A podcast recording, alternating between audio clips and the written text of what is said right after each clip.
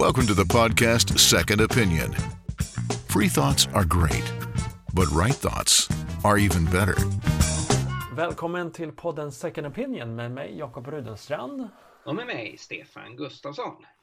Och eh, vi kan ju säga för våra, våra lyssnare att vi faktiskt befinner oss på två helt olika platser när vi spelar in den här podden. Jag befinner mig på CS kontor i, i Stockholm i Sverige. Och jag befinner mig längre norrut än jag någonsin har befunnit mig tidigare. Så eh, detta är en i december ganska mörk plats, eh, nämligen Tromsö. Men eh, nu har ju solen börjat komma tillbaka så här är väldigt eh, vackert vinterlandskap. Just det, det är Tromsö, det ligger ju i Norge och eh, Eh, du har ju en hel del uppdrag eh, bland norrmännen. Även de behöver få höra evangeliet, eller hur Stefan?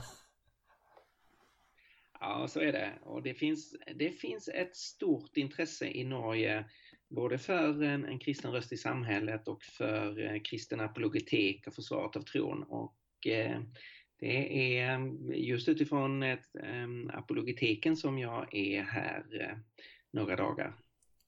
Förra veckan så var du ju med i en, en debatt om just kristen tro, om eh, mellan sekulär humanism och, eh, och en kristen världsåskådning. Hur gick den?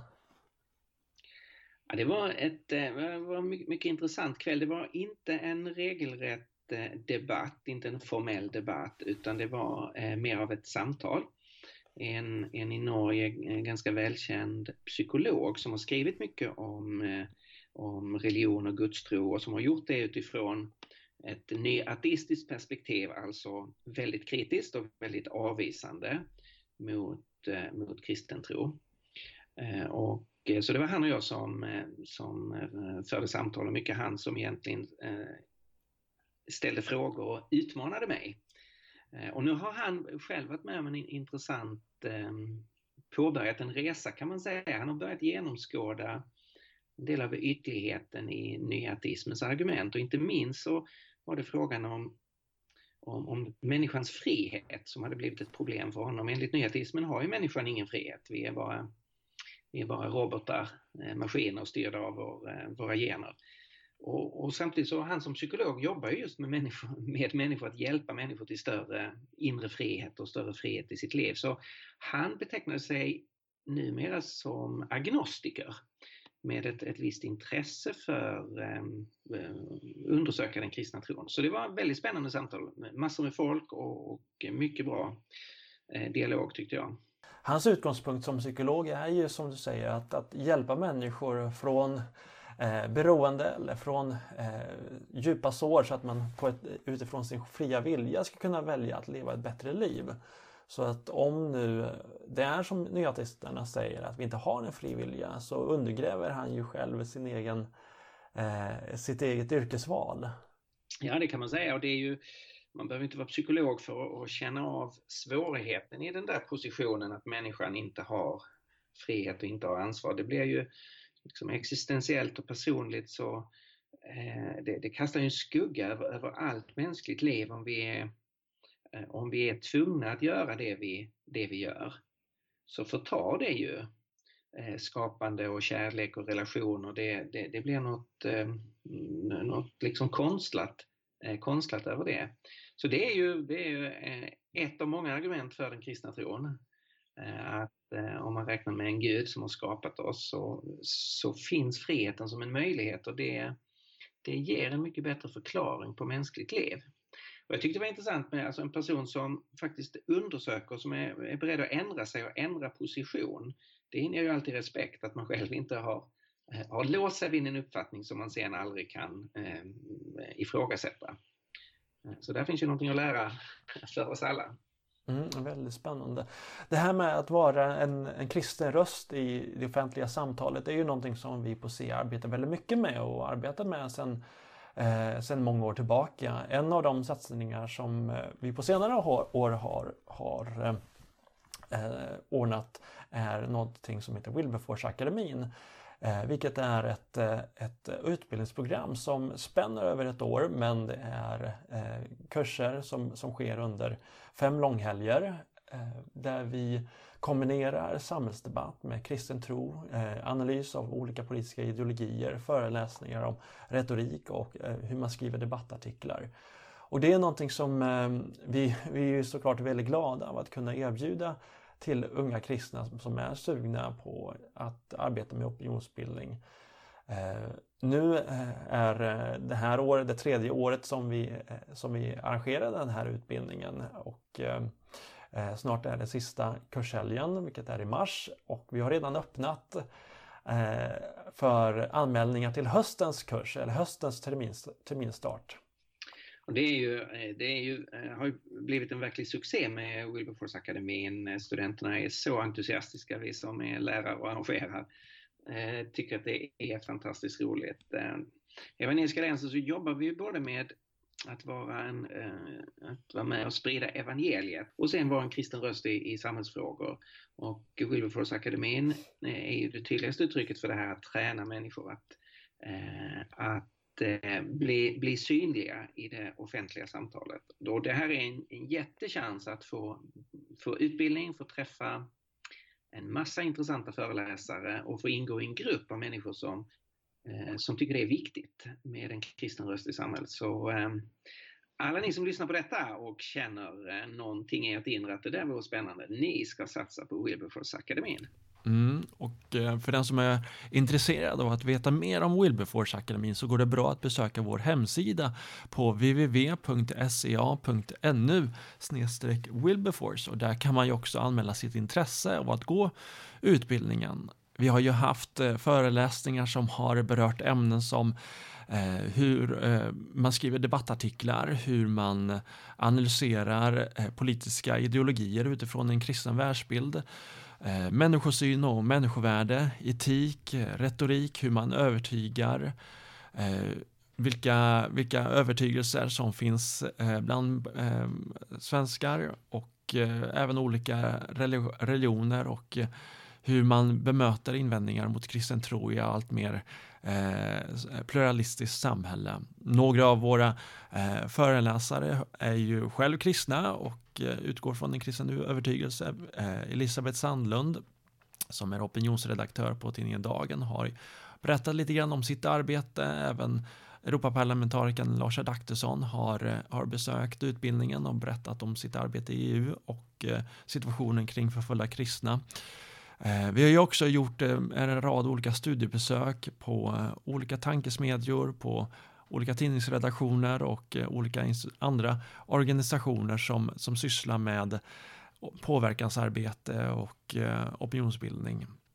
Och det är inte bara kristna föreläsare som vi har på Wilberforce-akademin. Vid nästa kurstillfälle kommer ju bland annat humanisternas ordförande Christer Sturmark att komma och tala om sekulär humanism och eh, eh, sina perspektiv på samhällsdebatten. Ja, det är väldigt roligt eh, att eh, Christer kommer och att eh, vi får den, den chansen att föra en dialog med honom och, och lyssna in hans perspektiv och, och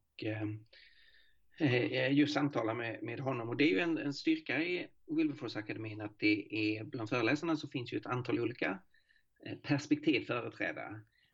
Just för att man ska både lära sig förstå olika perspektiv och eh, eh, kunna bli bättre att samtala och utmana perspektiv som är annorlunda än ens eget. Vi på Svenska Evangeliska Alliansen är ju också en resurs för den lokala församlingen och den, den enskilda kristna. Och en av de teologiska eh, diskussioner som har engagerat väldigt många den senaste tiden rör Adam och Evas historicitet och hur man ska förstå de första tre kapitlerna i, eh, i Första Mosebok. Till vilken grad är det faktiska detaljer som, som beskrivs där eller finns det utrymme för symboliska språk eh, bland, bland kristna som, som just tror på ett historiskt syndafall som är grundläggande för klassisk kristen tro. Att, och ehm, eh, i, i fredags så la vi upp på vår hemsida en, en eh, essä skriven av, av den välkände pastorn Tim Keller som vi har fått rättigheten till att översätta som som eh, på ett väldigt pedagogiskt sätt går igenom de olika positionerna men, men ändå eh, argumenterar för en, en historisk Adam och Eva, att det faktiskt var historiska personer. Bland annat så, så pekar han på hur man eh, läser Paulus texter i, i Romarbrevet bland annat och och att den rimligaste tolkningen av, av Paulus är att Paulus utgick från att Adam var en historisk person men att, att eh, han också var fullt medveten om att det skulle kunna innehålla symboliska och, och mytologiskt språk i, i redogörelsen men att detta inte var ett skäl att inte ta eh, Första Moseboks första tre kapitel som någon form av historisk re, re, redogörelse. Och vår, vår ambition med den här eh, den här essän är inte att sätta ner foten i ett, i ett viktigt eh, teologiskt samtal, men att eh, däremot kunna öka förståelsen mellan olika, eh, mellan olika kristna som eh, tar Bibeln på allvar och som utgår från ett historiskt syndafall. Adam och Eva är ju, tillhör ju Bibelns allra mest kända personer.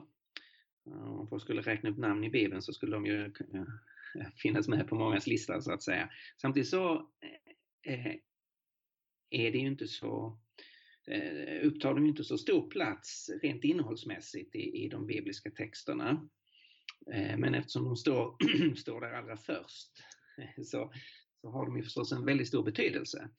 Eh, runt omkring oss så är det ju många som bara skulle ha en eh, överseende eller fraktfull inställning och säga att det där är ju förstås inte någonting som eh, reflekterar verkliga personer.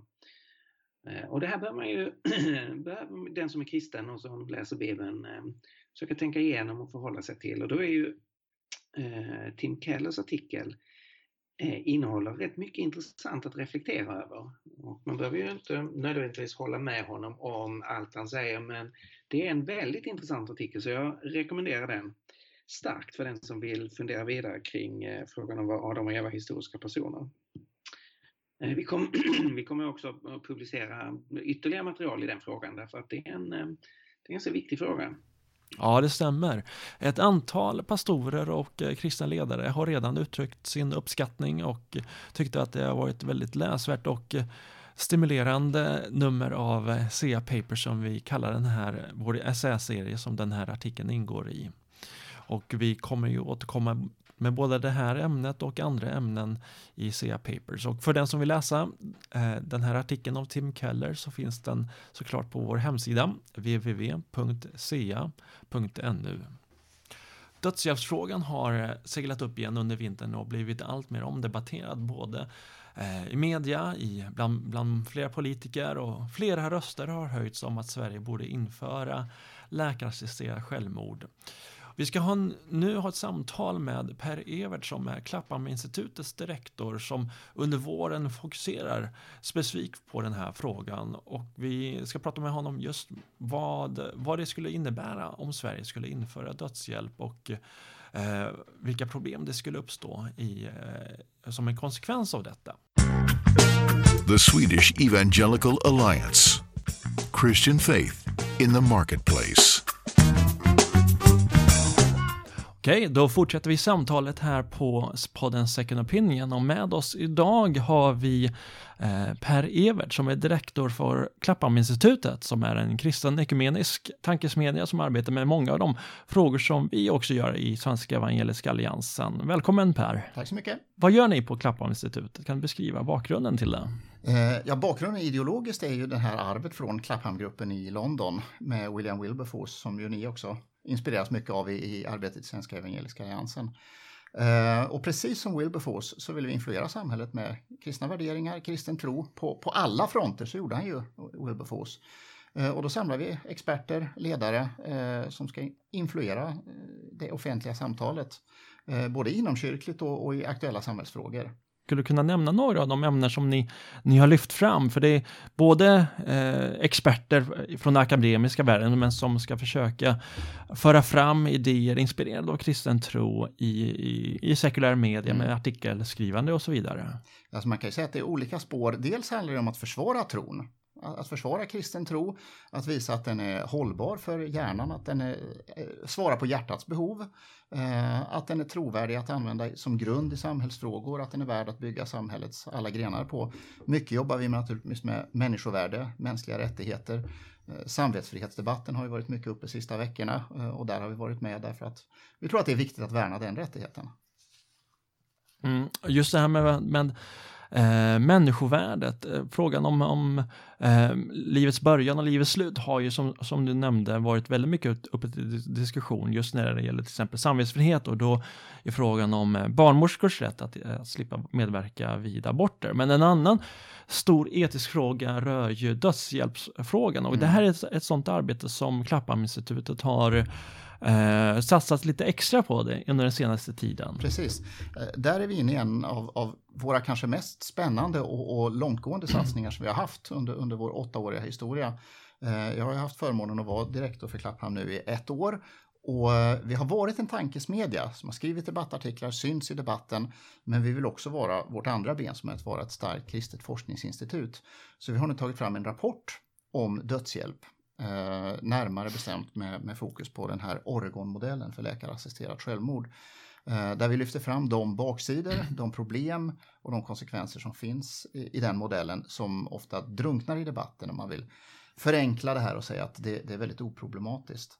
Och Oregon-modellen är ju den formen av, av läkarassisterat självmord som kanske diskuteras mest i Sverige just nu. Statens medicinpsykiatriska råd hade ju precis innan julen ett stort eh, seminar, en stor seminariedag där man diskuterade eh, Oregon-modellen. Man hade bjudit in experter både från Kanada och från USA. Mm. Var väldigt vinklade till fördel för just, eh, för just Oregon-modellen. De kanske enda kritiska rösten som hördes i det sammanhanget var en talare från eh, handikappsförbunden. Mm. Eh, och det här är ganska så intressant att när man, när man väljer att diskutera den här eh, väldigt etiskt, etiskt stora frågan så, så väljer man, eh, väljer man eh, med tyngdpunkt på en, en, en tydlig eh, sida som, som är för eh, eh, eutanasi. Ja, och det, så gör vi ju inte i andra frågor när det finns grupper som är direkt hotade och direkt utsatta, utan då lyssnar vi på dem. Då låter vi dem komma till tals. Och handikapprörelsen, eller de funktionshindrade, är ju en sån, sån grupp som säger att här är vi direkt utsatta. Det är vi som blir undanskuffade, det är vi som får stämpeln på oss att vi lever ett liv som inte är värdigt att leva. Eh, dessutom så är ju de professionella grupperna är ju väldigt entydiga. World Medical Association har ju i ställningstagande efter ställningstagande sagt att det kan aldrig vara sjukvårdens uppgift att ta liv. Och även Läkarsällskapet hade ju en debattartikel. Mm. De hade en debattartikel som eh, i, i Svenska Dagbladet den, den 4 februari där de, eh, som, som du säger, tog tydlig ställning mot och argumenterade eh, just utifrån att om vi skulle införa dödshjälp så omdefini omdefinierar man eh, på ett väldigt radikalt sätt läkarens uppdrag och uppgifter. Ja, och här är det ju otroligt relevant att vi lyssnar på de som är ämnesexperter som vet vad det är att leva med och arbeta med de som är i, i livets slutskede. Eh, och lyssna på vad kan man göra? Hur kan man möta patientens behov genom att bota? Kan man inte göra längre i det skedet? Kan man lindra? Kan man oftast göra. Kan man trösta? Ja, det kan man alltid göra. Men sjukvården ska aldrig ta liv. Och då försöker man beskriva den här Oregon-modellen som väldigt oproblematisk, vilket inte är sant. Och det är det vi försöker visa i den här rapporten som kommer inom kort. Vi har också publicerat eh, på vår Youtube-kanal och på vår hemsida klapphaminstitutet.se, så har vi precis publicerat en ny film eh, som visar på konsekvenserna i Holland och i Belgien som är förfärande där det har drivits steg efter steg ner för det här sluttande planet. Eh, så det är en film som vi gärna vill sprida och rekommendera mm. för alla att se, för den, den är omskakande. Mm. Eh, jag har själv träffat um, människor i, i Holland med, med närstående som har blivit, uh, fått dödshjälp mot sin vilja, så det är ju en uh, väldigt oroande utveckling om det skulle bli som, som i Holland, där, mm. där även äldre och funktionshindrade känner sig väldigt oroliga för ja. att gå till sjukhusen. Bland annat så lyfter den här filmen fram en man vars mamma uh, var deprimerad vilket ju man kan vara som en psykisk sjukdom eller, eller något annat. Ehm, och, och, efter ett tag så hörde sjukvården av sig och sa att nu får du komma och ta hand om din mamma, nu lever hon inte längre utan vi har gett henne dödshjälp. Och han blev otroligt omskakad naturligtvis. Mm. Uh, och, och, det är en utveckling som vi mm. måste hålla, det är en dörr som vi måste hålla stängd i Sverige. De som tycker att eh, kanske vår sida uppträder mer som panikartade och eh, skapar, skapar oro eller liksom tror att det här liksom blir en, ett sluttande plan men som menar att det här inte egentligen är ett sluttande plan. Vad, Eh, vad säger du till dem? Du har ju själv diskuterat den här frågan med Torbjörn Tännsjö. Ja, jag var i en offentlig debatt med Tännsjö eh, häromåret eh, som Humanisterna arrangerade. Filosofen Tännsjö vid Stockholms universitet kanske ska tilläggas. Ja, Uh, och, och, och, jag kände att det var en, dels var det en oerhört fientlig stämning som blev så känsloladdad därför att frågan om död och liv de väcker något väldigt starkt hos människan. Uh, och framförallt i frågestunden efteråt så var det personer som la fram väldigt personliga och omskakande upplevelser om, om hur jobbigt det hade varit när deras nära och kära hade avlidit. Och, och frågat, hade det inte varit bättre att vi hade gett henne en spruta? Och det var alldeles uppenbart att det, det rörde väldigt nära och djupliggande alltså själsliga frågor och sår som man hade behövt bearbeta i samtal bara. Men det gör inte att man bör införa en princip som säger att vi, vi drar bara ut sladden så blir det oproblematiskt. För, för sån är inte världen. Mm. Men Tännsjö skulle ju säga att, eh, att, det, att det här inte innebär ett sluttande plan att införa läkarassisterat självmord i, i Sverige. Eh, hur skulle... Utan man vill bara ha den här vänliga, vi, vi bara gör ja. det i extrem eh, smärta och så vidare, extremt mm. lidande. Då är det ju så, eh, och det, och det finns ju många undersökningar på det. Hur många patienter slutar sitt liv med utan smärtlindring eller med delvis smärtlindring och olika typer av lidande som kan drabba i livets slutskede. Det är extremt få patienter som inte upplever smärtlindring. Om man inte, om inte smärtlindringen tar, då finns det alltid möjlighet att sedera patienten, att låta den somna in i döden. Men det sluttande planet har visat sig extremt tydligt i Holland och i Belgien om vi tittar historiskt. Eh, de visade på, på SVT nyligen, eh, har du sett den här dokumentären med förbjudna filmer från nazitiden? Mm, nej, nej. Det handlar om filmer som är ganska intressanta men som man inte kan visa därför att de bär på det här nazistiska arvet. Bland annat så fanns det en sån film som var väldigt stark och väldigt talande och väldigt känslosam från 1941 eh, som handlade om eh, personer som drabbas av svårt lidande eh, och som man argumenterar för, ska vi inte hjälpa de här personerna? Hjälpa dem över på andra sidan. Inte vara elaka, inte rensa ut människor, utan bara hjälpa människor som befinner sig i svårt lidande. Och de var väldigt känslosamt stark. Och när man väl hade sått in den övertygelsen att ja, det är acceptabelt för att, att avsluta människors liv, eh, då följer det sluttande planet rakt ner i avgrunden. Uh, Oregon-modellen som ni i Klapphamninstitutet håller på att ta fram en eh, rapport kring. Du, du, nämnde att det finns en hel del problem med den. Eh, I Sverige så, så har man presenterat väldigt mycket av, av fördelarna med den, men vad skulle du säga är eh, det problematiska och vad är det för fynd som ni lyfter fram Det i finns rapporten. ju skrivet i lagstiftningen kring den här modellen, både i Oregon och i andra delstater där man har, har infört den, att det finns ett antal kriterier som måste vara uppfyllda för att läkaren eh, ska ha rätt att ge en dödlig spruta eller utdela den här dödliga drogen. Men när man tittar på hur det här har följts Eh, så har på punkt efter punkt efter punkt så har det brustit och så har det här planet börjat slutta därför att fler och fler patienter har känt att jag känner oro, jag känner obehag, jag skulle vilja ha den här drogen. Och av snällhet eller felriktad snällhet kanske man skulle säga så har doktorer valt att skriva ut de här. Och det har inte funnits de kontrollfunktioner eh, som lagen har krävt. Planet sluttar faktiskt på alla punkter. För ett antal år sedan så gav vi i, Evangeliska Alliansen ut eh, skriften Ecce Homo eh, som eh, handlar om just människovärdet, om människans värde från, från livets början till livets slut, mm. om abort till dödshjälp, till kloning, eh, som du var författare till. Och frågan om just människovärde var någonting som ständigt är aktuellt. Ja, det är ju aktuellt för att det är så hotat i vår kultur. Hade det funnits en trygghet där vi säger att livet vill vi försvara, sen händer det saker i samhället och privatlivet som gör att saker blir inte riktigt som man har tänkt sig. Men när ett samhälle öppnar dörren för en slags dödens kultur, som, som jag försöker beskriva i den här skriften, eh, där man öppnar för att de som är svaga, de som är sjuka, de som inte har vad man skulle kalla för ett människovärdigt liv, de kan vi dra ur pluggen för och de kan vi ta deras liv. Både i livets slutskede och i början av livet. Vi kan sortera ut personer som vi tycker har något handikapp eller, eh, eh eller något funktionshinder. Um, när man har öppnat den dörren och talar om en dödens kultur, eh, då behöver vi gå till motoffensiv. Eh, du som, eftersom vi, vi är kristna, vi tillhör olika församlingar och representerar också kristna organisationer. Vad, vad, tror du att eh, den samlade kristenhetens ansvar är i, i den här frågan?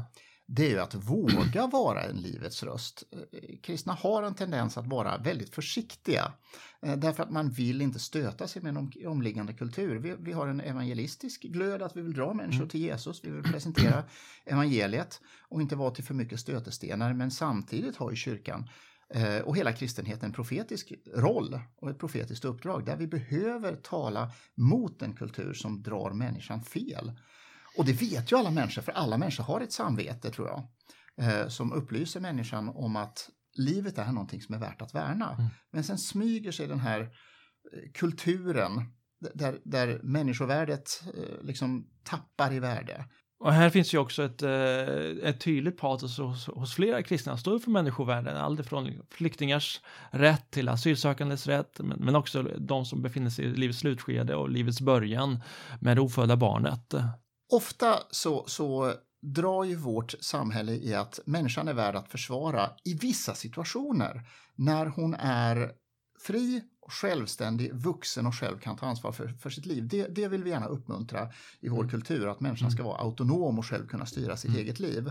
Um, Medan jag tror att vi behöver skydda människan just när hon är beroende av andra och inte kan klara sig själv.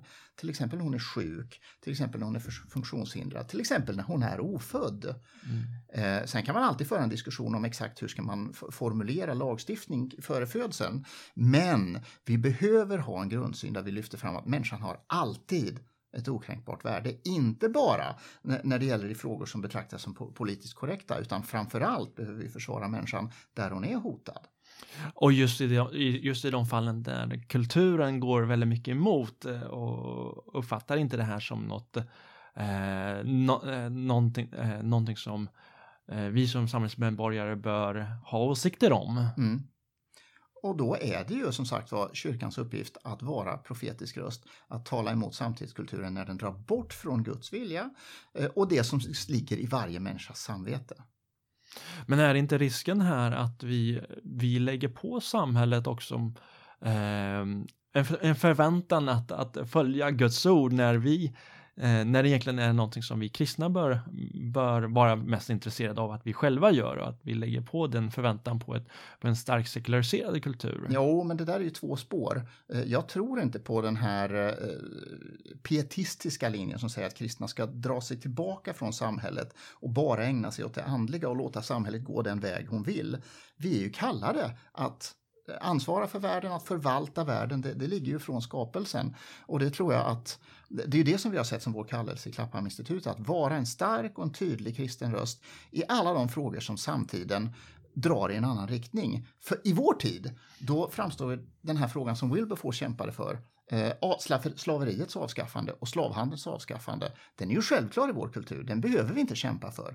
Men i Wilberforces tid, där, där var det ju det som var den stora frågan som han kände att här är mot Guds vilja, här är mot kristen tradition och kristen etik. Detta måste stoppas.